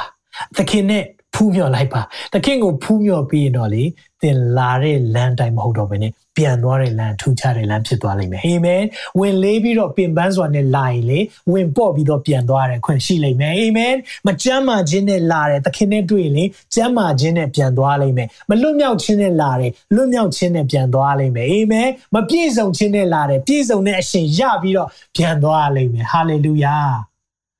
နင်ဖျားနဲ့တွေ့သွားတဲ့သူအကုန်ပြောင်းလဲတယ်။နဖူးတွေ့ဒူးတွေတွေ့သွားတဲ့သူတိုင်းပြောင်းလဲတယ်။အင်းကျမ်းစာထဲမှာအလကားရေးထားတာမဟုတ်ဘူး။ကျမ်းစာထဲမှာသခင်နဲ့တွေ့တဲ့သူတိုင်းဟာထူးခြားသွားတဲ့သူတွေပဲ။အဲကြောင့်ဒီနေ့မိတ်ဆွေကိုဒီနေ့ပြောပြချင်တယ်ဟာလေလုယာဒီနေ့အခြားသောလမ်းနဲ့ပြန်သွားဖို့လိုတယ်အခြားသောလမ်းနဲ့ပြန်သွားဖို့လိုတယ်ဒီနေ့ခွင့်မလွတ်ခြင်းတွေနဲ့2020မှာပြည့်နေလား2021မှာလေ ခွင့်လွတ်ခြင်းလမ်းနဲ့ပြန်သွားရအောင်အာမင်ခါသီးခြင်းတွေနဲ့လာနေလားချုံမြိန်ခြင်းတွေနဲ့ပြန်သွားရအောင်ဒါပေမဲ့အဲ့ဒီຢာကလေသင်စူးစမ်းလို့မရအောင်သင်စူးစမ်းပြီးတော့ဒါတွေငါခါသီးခြင်းတွေချုံမြိန်အောင်လုပ်မယ်သင်မစူးစမ်းနဲ့ကိုးစားလိုက်ပါဟာလေလုယာသခင်ကိုကိုးစားလိုက်တဲ့အခါမှာသင်ရဲ့ခါသီးခြင်းတွေကချုံမြိန်ခြင်းဖြစ်လာလိမ့်မယ်သခင်သခင်နဲ့တွေ့တဲ့သူတိုင်းအသက်ပြုပြင်တော်သူဖြစ်သွားတယ်အာမင်ဟာလေလုယာဒီနေ့တို့ယူလာတဲ့ လက်ဆောင်၃ခုရဲ့အကြောင်းနဲ့ကျွန်တော်ဆုံးသက်ခြင်းတယ်အဲ့ဒါဘာလဲဆိုရင်ပညာရှိများယူဆောင်လာတဲ့လက်ဆောင်၃ခုရှိတယ်ရွှေလောဘန်မူရန်ဒီအရာကသခင်ယေရှုကိုသူတို့ဘယ်လိုမြင်တယ်လဲဆိုတာကိုအထိပ္ပယ်ဖော်ဆောင်တယ်ဒီအရာကြည့်ခြင်းအဖြစ်သခင်ယေရှုဘယ်သူလဲဆိုတာကိုလည်းသူတို့ကသိနေတယ်နံပါတ်1လက်ဆောင်ရွှေယူလာတယ်အဲ့ဒီရွှေကဘာကိုပုံဆောင်လဲဆိုတော့ယေရှုရဲ့ဘယင်ဖြစ်ခြင်းကိုပြောတာဖြစ်တယ် ရွှေဆိုတဲ့အရာကဘယင်နဲ့တွေ့ရင်အမြဲတမ်းပူဇော်ရတယ်ရွှေဆိုတဲ့အရာကဘာဘူးလုံးနိုင်ငံဆိုတာရွှေနိုင်ငံနော်ရွှေဆိုတဲ့အရာအမြဲတမ်းထူးမြတ်ခြင်းရွှေဆိုတဲ့အရာအမြဲတမ်းနော်ခန္ဓာခြင်းကိုပုံဆောင်နေဘာကိုပြတာလဲရွှေပေးတယ်ဆိုတာဘယင်ယေရှုဘယင်ဖြစ်တယ်သခင်ယေရှုဟာဘယင်ဖြစ်တယ်လို့ Jesus is king ဆိုတဲ့ပုံဆောင်ချက်ဖြစ်တယ် ဟုတ်လားဒါဆိုရင်သခင်ယေရှုကဘယင်တကယ်ဟုတ်လားချမ်းသာပါပြောလဲချက်လောက်ကြည့်အောင်မဿဲ29အငယ်7မှာပြောလဲပိလတ်မင်းရှိမှစစ်ဆေးခံရတဲ့သူယေရှုသည်မြို့ဝင်မင်းရှိသို့ရောက်တော်မူသည်ရှိသောမြို့ဝင်မင်းကတင်သည်ယူဒရှင်ဘုရင်မှန်သလောမင်း king of jew king king of the jew မင်းယူဒရှင်ဘုရင်မှန်သလောလို့မေးတော့ယေရှုကမင်းကြီးမေးသည့်အတိုင်းမှန်သည်မင်းကြီးမေးသည့်အတိုင်းမှန်တယ်ဒါဆိုယေရှုကရှင်ပြန်လား ဟုတ်တယ်ဒါပေမဲ့သူ့ရဲ့နိုင်ငံကလောကနိုင်ငံမဟုတ်ပဲကောင်းကင်နိုင်ငံသူနိုင်ငံလို့ပြောတယ်ငါနိုင်ငံတီထောင်ပြီလို့ပြောတဲ့အခါမှာသူ့ရဲ့တပည့်တော်တွေကစိတ်လှုပ်ရှားတယ်ဘာလို့ရောမရောမအင်ပါရာကြီးရောမလူတွေကိုသူတို့ပုံကန်တော့မယ်နိုင်တော့မယ်အဲ့လိုထင်တာမဟုတ်ဘူးသခင်ပြောတဲ့နိုင်ငံကထာဝရတည်မြဲမဲ့နိုင်ငံအဲ့ဒီနိုင်ငံကိုပြောနေတာလောကမှာအုပ်ချုပ်ပြီးတော့နော်ရောမအစိုးရတွေကိုဖယ်ဖို့အဲ့ဒီနိုင်ငံသူပြောနေတာမဟုတ်ဘူး နိုင်ငံတော်တည်လို့နီးပြီလို့သူပြောတဲ့အခါမှာကောင်းကင်နိုင်ငံတော်ကိုပြောနေတာအာမင်ဒီနေ့သူဘယင်ဖြစ်တယ်တဲ့ကျမ်းစာပြောတနေရာထဲမှာလည်းမဟုတ်ဘူးသူအသေးခံတဲ့လက်ဝါးကားတိုင်းမှာအောင်ဗာရေးထားတယ်ကြည့်အောင်ဒါကိုယောဟန်16 19မှာတွေ့ရတယ်ကိုရောဒီမိမိလက်ဝါးကားတိုင်းကိုထမ်း၍ဥကောင်းခွန်အရက်အဲ့ဒါကိုဟေဘရဲစကားနဲ့ဂေါလဂေါသဂေါလဂေါသလို့ခေါ်တယ်နော်ထိုရက်၌အခြားသောသူနှစ်ယောက်ဆိုတာအဲ့ဒီမှာ revolution ဆိုတာပုံကန်တဲ့သူเนาะတကိုးတမလို့ သုံးတယ်ဒါပေမဲ့ဒါကယောမအစိုးရကိုပုံကန်နေတဲ့သူတွေဖြစ်တယ်ဆိုတာကိုသိစေချင်တယ်အဲ့ဒီနှစ်ယောက်ရဲ့ကြားထဲမှာသခင်ယေရှုကိုနေရာကျတယ်တဲ့နေရာချထားပေးတယ်ငယ်ဆက်ကိုကြည့်အောင်ပြီးလက်မင်းကြီးလည်းဂဘီလိပ်စာကိုရေးဆိုဒီလူဘသူဖြစ်လဲဆိုတာကိုသူတို့ကအဲ့ဒီလက်ဝါးကတိုင်တိုင်မှာရေးဖို့လိုတယ်စာရေးဖို့လို့တော့ဗာရေးလိုက်လဲဆိုတော့ယူရာရှင်ဘီရဲ့နာဇရက်မြို့သားယေရှုလို့ရေးလိုက်တယ်တဲ့ ယူရာရှင်ဘီရဲ့နာဇရက်မြို့သားယေရှုအဲ့ဒီလက်ဝါးကားတိုင်းရဲ့အပေါ်မှာ King of the Jew Jesus of Nazareth ယူရာရှင်ဘီရဲ့နာဇရက်မြို့သားယေရှုလို့ရေးလိုက်တယ်ဒါပေမဲ့အဲ့ဒါက33နှစ်ကြာမှဖြစ်လာတာယေရှုခရစ်တော်33နှစ်လောကမှာနေတဲ့အချိန်မှာဖြစ်တာဒါပေမဲ့ तू မွေးကလေးကပညာရှိတယ်ကြိုပြီးတော့နမိတ်ပုံရိပ်ပြပေးပြီရွှေပေးတယ်ဆိုတာဒါရှင်ဘီရင်လို့လက်ခံတဲ့အရာဖြစ်တယ်ရှင်ဘီရင် မင်းချင်တာပါလေရှင်ဘီရင်ဆိုတာသင်ရဲ့အသက်တာမှာအုပ်ဆိုးခြင်းသင်ရဲ့အသက်တာကိုလွှမ်းမိုးခွင့်အုပ်ဆိုးခွင့်ပေးတယ်လို့ပြောတာအဲဆိုမိတ်ဆွေဒီနေ့ကျမမှာဝစ်စရာရွှေတောင်မရှိဘူးဘာလို့ရွှေနဲ့ပေးရမှာလဲဘာရွှေနဲ့ပေးရမလဲဒီလားအုပ်ဆိုးခံလိုက်ပါ သခင်ထံအသက်တာကိုအနံ့လိုက်ပါအဲ့ဒါသင်ရွှေနဲ့ပူဇော်ခြင်းဖြစ်တယ်ဟာလေလုယာသင်ရွှေနဲ့ပူဇော်ခြင်းနဲ့ဆိုရွှေတုံးတွေအခဲတွေအပြားတွေအဲ့ဒါကိုပြောတာမဟုတ်ဘူးရှိရင်ကောင်းတယ်နော်ဒါပေမဲ့အဲ့တဲ့အရေးကြီးတာပါလေမရှိဘူးအဲ့ဒါတွေမရှိဘူးမတတ်နိုင်ဘူးကိစ္စမရှိဘူးဘာပေးရတာလဲကိုရောအုပ်ဆိုးပါကိုရောဟာရှင်ဘီရင်ဖြစ်တယ်ဆိုရင်တက်ဦးစံပိုင်ပဲစံပြားမှခြေဖွားခြေဖြားတိအကုန်ကိုရောပိုင်တယ်လို့ပြောတာဒီနေ့ဝန်ခံနိုင်မလား ပညာရှိတွေကတော့ရွှေပေးတယ်ဆိုဝန်ခံသွားတာဘယင်ရဲ့အုပ်စုချင်းကိုခံမယ်ဘယင်ရဲ့ပြောတဲ့အရာကိုတသွေမသိလိုက်နာပါမယ်လို့ဝန်ခံနေဆိုရင်သင်ရွှေနဲ့ပူဇော်တာနဲ့အတူတူပဲဖြစ်တယ်။နေ့သခင်ယေရှုကိုဒီနေ့ရွှေနဲ့ပူဇော်လို့ရတယ်။ဘယ်လိုပူဇော်မလဲ။ကိုရောကျွန်တော်သက်တာကျမသက်တာကိုရောရဲ့လက်ဝဲနိုင်အနံ့ခြင်းနဲ့ကိုယ့်ရဲ့အလိုဆန္ဒအတိုင်းအသက်မရှင်ခြင်းတော့ဘူးကိုကြိုက်တယ်လို့နေကြိုက်တယ်လို့စားတာမဟုတ်တော့ဘဲနဲ့ကိုရောကြိုက်တယ်လို့ ကိုရောနေစေခြင်းတယ်လို့နေပါမယ်ဒါဆိုသင်ရွှေနဲ့ပူဇော်တာဖြစ်တယ်ဟာလေလုယာနံပါတ်1လက်ဆောင်ပါယူလာလဲ frankincense frankincense ဆိုတဲ့အဓိပ္ပာယ်ကလောဘန်လောဘန်ယူလာတာမအဲ့ဒီလောဘန်ယူလာတဲ့အဓိပ္ပာယ်ကဘာလဲဆိုတော့အဲ့ဒီလောဘန်ကဘယ်နေရာမှာသုံးလဲဓမ္မဟောင်းကာလမှာကြည့်တဲ့အခါမှာတဲတော်ထဲမှာဒီနေ့အမွှေးနှံ့တာလောက်တဲ့အခါမှာလောဘန်ကိုထားတယ်။ ဘာကိုပုံဆောင်လဲဆိုတော့ယေရှုရဲ့ယစ်ဘရဟိမင်းအကြီးဖြစ်ကြောင်းပုံဆောင်တယ်။ယေရှုကယစ်ဘရဟိမင်းဖြစ်တယ်။ဒါကိုပုံဆောင်တာ။တနည်းအားဖြင့်အဲ့ဒီအမွှေးနှံ့တာလို့ပြောတဲ့အခါမှာကျွန်တော်တို့ရဲ့ကိုယ်ွယ်ခြင်းကျွန်တော်တို့ရဲ့ဆုတောင်းခြင်းကိုလည်းဖျားရှိမှအမွှေးနှံ့တာကဲ့သို့တက်တယ်။ဒါဆိုကျွန်တော်တို့လောဘနဲ့ပူဇော်ခြင်းလားပူဇော်လို့ရတယ်။သင်ရဲ့ကိုယ်ွယ်ခြင်းကိုပြောတာ။သင်ရဲ့ချီးမွမ်းခြင်းကိုပြောတာ။သင်ရဲ့ ဆုတောင်းခြင်းကိုပြောတာ။ဒီအရာတွေနဲ့သခင်ကိုပူဇော်လို့ရတယ်။ဒါဆိုလောဘဘာမြင်တော့မမြင်ဘူး။လောဘဆိုတဲ့အရာအမွှေးနှံ့တာ။ဒီအရာကိုပြတာပါလဲဆိုတော့ဒီလောဘနဲ့ပူဇော်တဲ့အလုတ်ကယစ်ဘရဟိတ်ဒီပဲလုပ်ခဲ့တာဖြစ်တယ်။ဒီယစ်ဘရဟိတ်ကို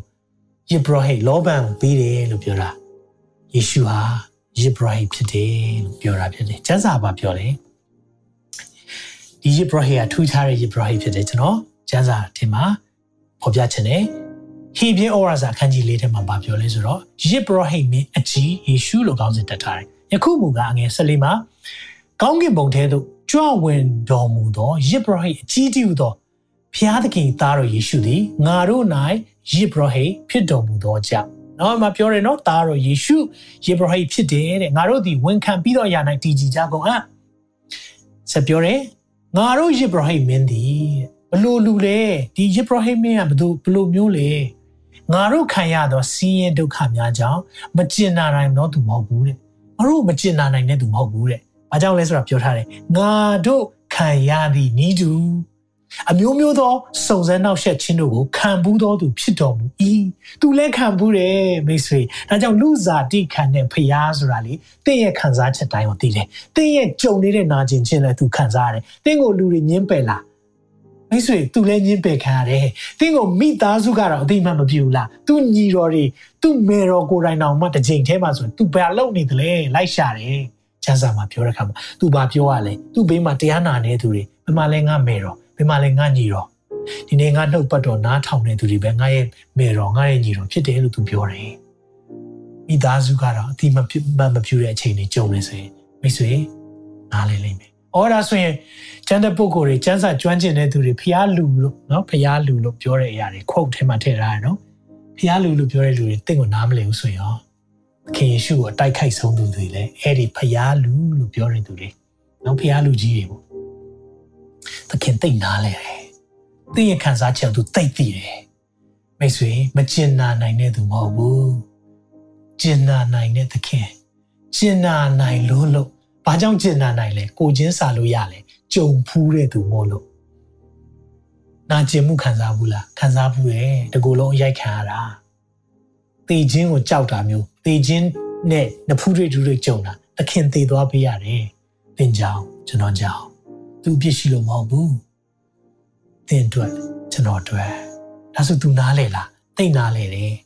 တို့ရတွင်ဒူးစရိုက်ဖြစ်နေกินလို့တယ်ထို့ကြောင့်ငါတို့ဒီတနာချင်းကိနာကို၎င်းတော်ရော်သောမဆာခြင်းကျေးဇူးတော်ကောင်းခံရမည်ကြောင်းရဲရင်သောစိတ်နဲ့ပြောကြည့်ပါရဲရင်သောစိတ်နောက်တစ်ချိန်လောက်ရဲရင်သောစိတ်နဲ့ဂျေဇုရစ်ပလင်တို့တိုးဝင်ချင်းကပ်ကြကုန်တာဒါကြောင့်ဂျေဇုတော်ခံစားရဆိုပြီးကျွန်တော်ဖျားရှိမှာ ရဲရင်စွာတိုးဝင်လာဖို့ဖြစ်တယ်ဟာလေလုယာငါမပြည့်စုံဘူးငါမှခံစားချက်လိုအပ်ချက်တွေမြောက်များစွာရှိတယ်နောက်ဆုံးနေဖို့မဟုတ်ဘူးမိတ်ဆွေတိုးလာပါရဲရင်သောစိတ်နဲ့တိုးလာပါဘာကြောင့်လဲသခင်ကလေကျင်နာနိုင်တယ်ခံစားချက်အားလုံးသိတယ်သင်ရဲ့လေးနေတဲ့အရာအားလုံးသူနားလဲတယ်သင်ရဲ့ပင်ပန်းနေတဲ့အရာသူနားလည်တယ်။သင်ရဲ့စာလောင်မှုအားလုံးသူသိတယ်။ဘာကြောင့်လဲ။လူစားတိခန့်သွားတာ။ဒါကြောင့်ဖခင်ကလူဖြစ်လာတာယေရှုတပါးတည်းရရှိတယ်။ လူတွေကပဲဖျားဖြစ်ဖို့ကျင့်ကြံကြတယ်ခရိယမှာတော့ခရစ်တော်ကလူလာဖြစ်သေးတယ်မိတ်ဆွေသခင်သင်ကိုသိချင်တယ်ဆိုတော့သိစေချင်တယ်နောက်ဆုံးချက်ကြည့်အောင်ပညာရှိတွေယူဆောင်လာတဲ့နောက်ဆုံးလက်ဆောင်တစ်ခုကပါလဲဆိုတော့မူရန်အဲ့ဒီမူရန်ကဘယ်အချိန်မှာသုံးလဲမူရန်သုံးတဲ့အချိန်ယေရှုရဲ့အသေးခံခြင်းကိုပုံဆောင်တယ်။ဘာကြောင့်လဲဆိုတော့မူရန်ကဒဏ်ရာတွေရှိတဲ့အချိန်မှာလိမ့်တဲ့အရာဖြစ်တယ်။ နောက်သူတို့အသုံးများတဲ့ဟာဘာလဲဆိုတော့ဒီအလောင်းလူသေးအလောင်းကိုတကြိုတော့မယ်ဆိုအမွှေးနှံ့တာနဲ့ပူဇော်ရဲဆိုရင်အမွှေးနှံ့တာနဲ့လိမ့်ကြံတယ်ဆိုရင်မူရန်ကိုသုံးတယ်။ယေရှုမွေးတဲ့အချိန်မှာမူရန်ကြီးဘာကြောင့်ယူလာလဲ။သူ့အသေးခံမယ်ဆိုတော့ပုံရိပ်နမိတ်ပြတာ။သူ့အသေးခံတော့မယ်ဆိုတော့ကျွန်တော်တို့ကိုပြောပြနေတာ။ဘာကြောင့်အသေးခံလဲ။ဘာကြောင့်အသေးဆိုးနဲ့တည်သွားလဲ။နဝါကားတိုင်းမှာလူ လူသူရှုမလတည်သွားလဲ။ကျွန်တော်ငွေချင်းတရားမေးတယ်။ငယ်တော့မေးတယ်။ဟေးမင်းတို့ဖះကဘာကြောင့်နဝါကားတိုင်းမှာခွေးသေးဝက်သေးသေးတာလဲ။ကျွန်တော်စိတ်စိတ်ဆိုးဒေါသထွက်ပြီးတော့အပြန်ပြောရမှမသိခဲ့ဘူး။ဒါပေမဲ့ဒီအချိန်မှာကျွန်တော်မှဖြေရှိတယ်။ဘာကြောင့်တည်လဲ။ ဘာကြောင့်တည်တယ်လို့ထင်လဲ။အဲ့လိုမျိုး။တင်တည်ရမယ့်နေရာမှာသူအစားထိုးတည်ပေးတာ။တင်အဖြစ်ကြောင့်တည်တာ။ကျွန်တော်အဖြစ်ကြောင့်တည်တာ။တခင်ကလေတင့်ကိုသိချင်လို့သူလေမွေးလာတဲ့ရည်ရွယ်ချက်ကအသေးခံမှုလာတာ။သူ့ရဲ့လောကမှာလာတဲ့ mission တခုပဲရှိတယ်။အဲ့ mission ကမိမိလူတို့ကိုအပြစ်မှကယ်ချွတ်မိသူဖြစ်တော်ကြောင့်ယေရှု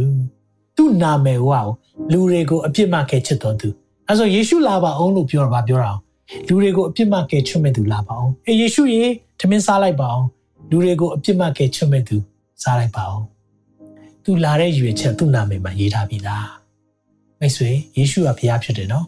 ယေရှုကိုယုံရင်မရဲသွားမယ်ဆိုတဲ့သင်ကြားချက်တွေဒါမှားယွင်းသောသင်ကြားချက်တွေဖြစ်တယ်လုံးဝကြည်ဖို့မဟုတ်ဘူးလက်ခံဖို့မဟုတ်ဘူးယေရှုနဲ့ခရစ်တော်ယေရှုခရစ်တော်ဆိုတဲ့အရာတွေ ခရစ်တော်ဆိုတာ anointed one ပိတ်သိခံတော်သူဖြစ်တယ်ယေရှုဆိုတာအပြစ်မှကယ်ချွတ်တော်သူဖြစ်တယ်ဒီနေ့အပြစ်မှကယ်ချွတ်တော်သူကိုမငြင်းပါနဲ့မိစေဒီနေ့ကျွန်တော်နားလေစေခြင်းတယ်သင်ကိုသိချစ်တဲ့ခါမှာသခင်ကကျင်နာတော်သခင်ယူစီခဲ့သွေးဆက်တယ်ကျွန်တော်တို့အပြစ်လွတ်ခြင်းအဲ့ဒီသွေးယူစီတာအသွေးမသွန်လောင်းပဲအပြစ်မလွတ်ဘူးဒီအသွေးယူစီတာသင်ရဲ့အပြစ်ကြောင့်ကျွန်တော်ရဲ့အပြစ်ကြောင့် ဒီလိုသိခံသွားတာဘာကြောင့်လဲသင်ကိုသိချင်လို့ကျွန်တော်ကိုသိချင်လို့ဘယ်သူမှသင်အတွက်အသိခံပေးမဲ့ဖခင်မရှိဘူးယေရှုဖခင်တပါးပဲရှိတယ်ဒီမေတ္တာပြတာကာရဏီမှာတကယ်ချစ်ချင်းမေတ္တာပြသွားရရဖြစ်တယ်အဲကြောင့်မိတ်ဆွေဒီနေ့ဖိတ်ခေါ်ခြင်းတယ်သင်ရဲ့ဘဝမှာဒီသခင်ကိုဖူးမြော်ခြင်းနဲ့ဆိုရင်ပစ္စည်းသုံးမျိုးယူလာလို့ရတယ်ရွှေယူလာလို့ရတယ်ရွှေတော့ကိုပြောတာမဟုတ်ပါဘူးကိုကိုကို သခင်လက်ဝင်နိုင်ဘယင်ဖြစ်ကြောင်းဘယင်ယေရှုထံမှာကိုယ့်ရဲ့အသက်တာအနန္တရွှေနဲ့ပူဇော်ခြင်းကိုပို့ဆောင်တယ်လောဘပေးတယ်ဆိုတာယေဘရဟိတ်ကျွန်တော်တို့ကိုစားယေဘရဟိတ်ကအပြစ်ဖြေပေးခြင်းကိုဝန်ခံတာသခင်ယေရှုအပြင်ကျွန်တော်တို့အပြစ်လွတ်တယ်လို့သင်ဝန်ခံတာဖြစ်တယ်အာမင်ပြီးရင်မူရာရွှေမူရာနဲ့နော် လောဘနဲ့မူရာမူရာပူဇော်တာပါလေဒီမှာတော့ဘတ်တော့ကျွန်တော်ဒီပိုင်ပေးခြင်းနဲ့ဟေရှာ53ငယ်ငါမှာထိုသူသည်ငါတို့လွန်ကျူးသောအပြစ်များကြောင့်နာကျင်စွာထိုးခြင်းနှိပ်စက်ခြင်းကိုခံရလေ၏ဟေရှာယကနှစ်ပေါင်း900ကျော်ပြောထားတယ်ငါတို့၏ငြိမ်သက်ခြင်းချမ်းသာကိုဖြစ်စေသောဆုံးမခြင်းသည်သူ့ဘော်သို့ရောက်၍သူခံရသောတန်ချက်အပြင်ငါတို့သည်အနာပြောက်တယ်သူခံရတဲ့တန်ချက်တွေကျွန်တော်တို့လွတ်မြောက်ဖို့ကျွန်တော်တို့ကြမ်းမာဖို့ကျွန်တော်တို့အနာပြောက်ဖို့ ဖျားနဲ့ကျွန်တော်တို့ကြားမှာရှိတဲ့ပြတ်သွားတဲ့အပြစ်ဖြစ်တဲ့အခါမှာပြတ်သွားတယ်ဒီဆက်ဆံရေးပြန်ဆက်ပေးတာသခင်ယေရှုဖြစ်တယ်ကျွန်တော်ဒီရဲ့အကြောင်းအရာလေးတစ်ခုပြောပြီးတော့အဆုံးသတ်ခြင်းတယ်တစ်ခေါက်အလုတ်တင်စပိုးစပိုးဆောင်မှာအလုတ်တင်ဖို့လူငယ်တယောက်ရောက်လာတယ်ရောက်လာတော့အဲ့ဒီမှာခတ် ဆူဆူဒီစပိုးမူးနဲ့တွေ့တယ်စပုံမှုကလူတွေကိုချိန်မောင်းတယ်အမြဲတမ်းအလုပ်ကိုအမြဲခိုင်းတယ်အဲ့ဒါသူလည်းလှုပ်ပေးတယ်တည့်ရကြတော့သူအဲ့လိုလှုပ်ပေးနေနေသူလည်းပင်ပန်းတဲ့ခါမှာအဲ့ဒါနဲ့သူလည်းဘာလို့မှမသိပင်ပန်းတော့သူဘိုက်စာတော့အိမ်မှာရှိတဲ့ဒီ customer တွေကိုပေးရမယ့်အရာတွေကနေသူကစားပလိုက်တယ်ဘိုက်ရန်စာတော့သူခိုးစားလိုက်တယ် ဒါပေမဲ့ဖြစ်ချင်တော့အဲ့ဒီစဖို့မှုကတွေ့သွားတယ်တွေ့သွားတော့ဟုတ်ပြီမင်းမင်းခိုးစားတာတွေ့တယ်နော်မင်းဘာလို့လို့ခိုးစားတာလဲအားကျွန်တော်ဗိုက်ရန်စားလို့ဒါပေမဲ့မင်းမရအောင်မင်းဒါမင်းပြစ်လောက်တာပဲအေးလို့လောက်ရမယ်မင်းအချိန်ပိုနေပေးရမယ်ချိန်ပိုနေပေးရမယ်ချိန်ပိုလောက်ရမယ်အဲ့နဲ့သူ့အလုပ်ချိန်ပြီးတယ်သူကမပြန်ရအောင်အချိန်ပိုလောက်နေရတယ်အဲ့နဲ့ တရက်လောက်တယ်အဲ့နဲ့နောက်ရက်ကြတော့လေအေးအသထင်းသားတိုင်ပါနော်မင်းအဲ့လိုခိုးတဲ့အရာတွေအကုန်တိုင်ပါနော်တိုင်မယ်မင်းမတိုင်မခံချင်နော်မင်းချိန်ဖို့လုံးအဲ့ဒါသူချိန်ဖို့လုံးတယ်အဲ့လိုလုံးတစ်ပတ်နှစ်ပတ်တစ်လဖြစ်လာတာတကယ်တော့သူသာအဲ့ဒါကိုဝယ်စားလိုက်မယ်ဆိုရင်တန်ဖိုးကအဲ့လောက်မများဘူးဒါပေမဲ့ तू ကအဲ့ဒီဟာကိုခိုးသွားလို့ခိုးထားလိုက်လို့ तू အပြစ်ရှိနေတဲ့ခါမှာဒီရဲ့အပြစ်ရဲ့ နောက်ကွယ်မှာသူ့ကို၆လှန့်ခြင်းတွေဖြစ်ပြီးတော့သူဟာတရေလာလဲအဲ့ဒီမှာချုံနှောင်ခြင်းတွေထဲမှာပဲချိန်လုံးစပူမူကမျက်နှာကြည့်ပြီးမင်းဒီနေ့လည်းမပြန်နဲ့ငါ့ကိုလှုပ်ခုအောင်ဆိုမတရားခိုင်းတာကိုသူခံနေရတယ်။အဲ့နဲ့သူနောက်ဆုံးတော့လုံးဝသူမခံနိုင်တော့တရေကြတော့သူအစောအိထားပြီးတထေးအိမ်တကားသွားခောက်လိုက်။တကားသွားခောက်ပြီးတော့တထေးကိုပြောလိုက်တယ်။တထေးကျွန်တော်ဆိုင်မှာ customer တွေပြီးမဲ့ထဲကနေချက်သားတွေ ယူဆမိပါတယ်လို့ပြောတော့တထေးကိုကျွန်တော်အဲ့ဒီအတွက်ပြန်ရော်ပေးချင်ပါတယ်ပြောတဲ့အခါမှာတထေးကအာမင်းအလုပ်တင်တာအလုပ်တင်ဘဝပါဒါတွေအားလုံးကဖြစ်တတ်ပါတယ်နောက်တစ်ခါမလုပ်တော့နဲ့ငါခွင့်လွတ်တယ်အဲ့ဒါသူစိတ်တွေပို့ပါပြီးတော့ပြန်သွားတယ်အိမ်နေမှာသူအလုပ်လုပ်တော့ပျော်ပျော်ရွှင်ရွှင်ပဲသူလုပ်နေတယ်လုပ်ပြီးတော့သူအလုပ်ချိန်ပြီးတော့သူပြန်မယ်လုပ်တော့စပုံမှုကဟေးပြန်နေနေမင်းနဲ့ငါလည်းပြောတာရှိတယ်လေ မင်းခိုးထားနော်ငါအထေကိုတိုင်လိုက်မှာနော်မင်းဒီနေ့လည်းအချိန်ပိုလုပ်ပေးရမယ်အိမ်မှာအဲ့ဒီလူငယ်လေးကပြန်ပြောလိုက်တယ်ခမားတိုင်ချင်လဲတိုင်လိုက်တော့ကျွန်တော်လေအထေကိုဖွင့်ပြောလိုက်ပြီးတောင်းပန်ဝင်ချလိုက်ပြီးအထေကခွင့်လွတ်တယ်ဒါကြောင့်လေခမားခိုင်းတာကျွန်တော်မလုပ်နိုင်တော့ဘူးဗျာထွက်သွားတဲ့အခါမှာအဲ့ဒီစဖို့မှုဘာမှမတတ်နိုင်တော့ထိုနည်း၎င်းပဲ တဲ့အပြစ်တရားထဲမှာအပြစ်ကျူးလွန်တဲ့အခါမှာစာဒန်မာနကသင်ကိုချုပ်ကင်ထားမယ်ဟေးမင်းလှုပ်ထားတဲ့အရာနော်ဟေးသင်ချီနှောင်ခြင်းတွေချုပ်နှောင်ခြင်းတွေနဲ့ပဲသင်နှီးစင်နဲ့များအသက်ရှင်နေလိမ့်မယ်မတရားခံနေရလိမ့်မယ်ဒါပေမဲ့တခုလုပ်ဖို့လိုတယ် repent နောင်တတရားနဲ့အထေးထန်လာဖို့လိုတယ်တနည်းအားဖြင့်နောင်တတရားနဲ့ခင်ယေရှုထံလာပြီးတော့ ကျွန်တော်အဖြစ်တွေခွင့်လွတ်ပါကျမအဖြစ်တွေခွင့်လွတ်ပါလို့သင်ပြောတဲ့နေ့ကသင်လွတ်မြောက်မနေဖြစ်တယ်ဟာလေလုယာဒီအချိန်ဟာအကောင်းဆုံးဖြစ်တယ်မိတ်ဆွေအဲကြောင့်သင်ကိုဒီနေ့ဖိတ်ခေါ်ခြင်းတယ်သင်ရဲ့အဖြစ်တွေသင်လုပ်ခဲ့တဲ့အရာတွေအားလုံးရဲ့ချုံနှောင်ခြင်းထဲမှာသင်ရှိနေတယ်ဆိုရင်လေဒီနေ့ညလွတ်မြောက်မယ်ဘာကြောင့်လဲသင်သခင်ကိုပြောလိုက်တော့သခင်မှားသွားပြီလုံမိသွားတယ်သခင်ကနားလည်ပေးတော်သူဖြစ်တယ်သင်ရဲ့ကြုံတွေကအားလုံးကြုံပြီးတဲ့ယေဘရဟိဖြစ်တယ်ဆိုတော့မမိနဲ့။ အဲကြောင့်ဒီနေ့အသေးခံခဲ့တာငါတို့အပြစ်ရှိစဉ်ပင်ခရစ်တော်ဒီငါတို့အပြစ်ကြောင့်သိခံတယ်။ကျွန်တော်တို့အပြစ်သားဖြစ်တဲ့အချိန်ကတည်းကသခင်ကကျွန်တော်တို့ကိုချစ်ပြီးသား။ဒီအတွက်ကိုသူကတာဝန်ယူပြီးသားဖြစ်တယ်။သင်တခုတော့လုပ်ဖို့လိုတယ်။အဲ့အပြစ်တရားရဲ့ချုပ်ကန်ခြင်းထဲမှာသင်နေမလား။ဒါမှမဟုတ်တထေးစီကိုအဲ့ဒီလူငယ်လေးတွားပြီးတော့တောင်းပန်လိုက်တယ်လို့ပဲ။သင်တောင်းပန်မလား။သင်တောင်းပန်မယ်ဆိုရင်သင်ကျွန်တော်ဆုတောင်းပေးခြင်းတယ်။သခင်စီလာပြီးတော့ကျမကျွန်တော်သခင်ရှိမှလာပြီးတော့ ဝင်ချတောင်းပန်ခြင်းနဲ့ဆိုရင်ကျွန်တော်ဆုတောင်းပေးခြင်းနဲ့ယုံကြည်သူများရှိနေပေးပါအားလုံးဒီနေ့မှာကိုယ့်ရဲ့အသက်တာကိုဆင်ခြင်ရအောင်ဒီနေ့ပညာရှိတွေလုပ်တဲ့အရာလေးတွေထဲမှာယူလာတဲ့အရာလေးတွေကသိလာပါတယ်သင်လည်းလုပ်လို့ရတယ်ကျွန်တော်လည်းလုပ်လို့ရတယ်ဒီနေ့ဘယ်ဟာနဲ့စမလဲသခင်နဲ့ပြန်ပြီးမိသားရဖြစ်ဖို့ဒီကျွန်တော်ကြားထဲမှာရှိနေတဲ့အပြစ်ဆိုတဲ့အရာဒီကာရဏီတောင်ကုန်းမှာဘုရားအဖြစ်ရှင်ပြီးသားဖြစ်တယ်တခုလုပ်ဖို့လိုတယ်နောင်တရခြင်းလိုတယ်သခင်ထံပြေးဖို့လိုတယ် အဲ့ဒီလူငယ်လေးလှုပ်သွားတဲ့အရာသူ့ရဲ့အသက်တာလွတ်မြောက်တယ်။ဒီစာတန်ကတော့ချုပ်ကင်ပါပဲ။စာတန်တော့တင့်ကိုဆွဲထားအောင်ပါပဲ။ဒါမဲ့တင်ယုံထွက်လို့ရတယ်။သခင်စီမှာသွားပြီးတော့တောင်းပန်ရအောင်ဟာလေလုယာကျွန်တော်ဆုတောင်းပေးခြင်းနဲ့ဒီရဲ့သက်တာမှာခရစ်တော်ကိုဒီနေ့မှာကျွန်တော်အဖြစ်အတွက်ကျွန်မအဖြစ်အတွက်နှောင့်နှားရခြင်းနဲ့ဆိုရင်ကျွန်တော်ရှေ့ရတိုင်ပေးမယ်ကျွန်တော်နောက်လိုက်ဆိုပါအားလုံးနှလုံးသားကျွမ်းမဲ့နဲ့သခင်ထံမှာတိုးဝင်လ က်ကျွန်တော်နောက်လိုက်ဆိုပေးပါသခင်ယေရှုဖေဟာကျွန်တော်ဟာအဖြစ်သားဖြစ်ပါတယ်အဖြစ်တရားရဲ့အခါဟာတည်ခြင်းဖြစ်ပါတယ်ကျွန်တော်အဖြစ်ကြွေးကိုဆက်ပေးဖို့ရန်အတွက်လောကကိုလူစားတိခံခဲ့ကြောင်းဒီနေ့ညမှာပြန်လည်သိရှိရပါတယ်ကျွန်ုပ်ရဲ့အပြစ်အားလုံးအတွက်နောင်တရပါတယ်တောင်းပန်ပါတယ် ဘုရောခွင့်လွှတ်ပေးပါအပြစ်တရားရဲ့ချုပ်နှောင်ခြင်းတွေတားဆီးခြင်းတွေထဲမှာအသက်မရှင်ခြင်းတော့ပါအသက်သာအသစ်နဲ့သွားခြင်းပါတယ်သခင်ယေရှုဖျားလက်ခံပါကိုရောကိုရွှေအားဖြင့်ပူဇော်ပါတယ်ကိုရောရဲ့အုပ်ဆိုးခြင်းကိုဝန်ခံကြောင်းပြခြင်းဖြစ်ပါတယ်ကိုရောကိုလောဘနဲ့ ပူဇော်ပါတယ်ကိုရောသည်ကျွန်ုပ်အတွက်ရစ်ဘရဟိတ်ဖြစ်ကြောင်းဝန်ခံပါတယ်ကိုရောကိုမူရန်နဲ့လည်းပူဇော်ပါတယ်ကိုရောရဲ့အသေးခံခြင်းဟာကျွန်ုပ်ရဲ့အသက်ရှင်ခြင်းဖြစ်လို့ယေရှုတင်ပါတယ်ကိုရောရဲ့နာကျင်စွာထိုးခြင်းနှိပ်စက်ခြင်းတွေဟာကျွန်ုပ်ကြမ်းမာခြင်းဖြစ်စီလို့ယေရှုတင်ပါတယ်ဒီနေ့ညမှာအ ပြစ်အားလုံးအတွက်နောင်တရလျက်ကိုရောထံ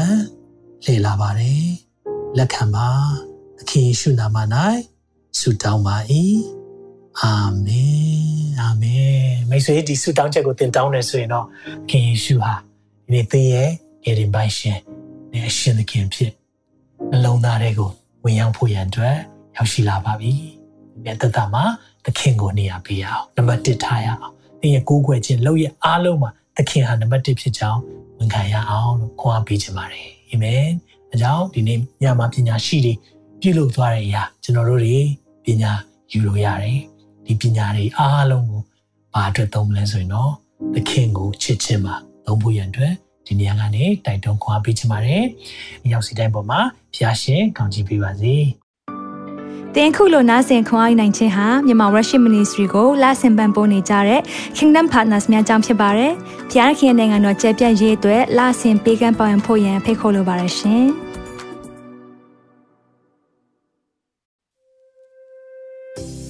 အခုကြားနာခဲ့ရတဲ့နှုတ်ပတ်တော်အဖြစ်ခွန်အားရရှိမဲ့လို့ယုံကြည်မျှော်လင့်ပါတယ်။ခွာရရဆိုလို့ရှိရင်ဒီတစ်ပတ်နဲ့ပြန်လည်ဝင်မြပေးဖို့ရန်တောင်းဆိုပါရစေ။ မြန်မာ Worship Ministry ရဲ့ website myanmarworship.com ကိုလည်းလာရောက်လေ့လာဖို့ရန်တွဲဖိတ်ခေါ်ချင်ပါတယ်။တချိန်ထဲမှာမြန်မာ Worship Ministry ရဲ့ social media platform များဖြစ်တဲ့မြန်မာ Worship YouTube Channel, မြန်မာ Worship Facebook Page နဲ့မြန်မာ Worship Instagram များကိုလည်းလာရောက်လေ့လာဖို့ရန်တွဲဖိတ်ခေါ်ချင်ပါတယ်။နောက်တစ်ချိန်မှာပြန်လည်ဆုံတွေ့ကြပါစို့။ဖျားရှင်ကောင်းကြီးပေးပါစေ။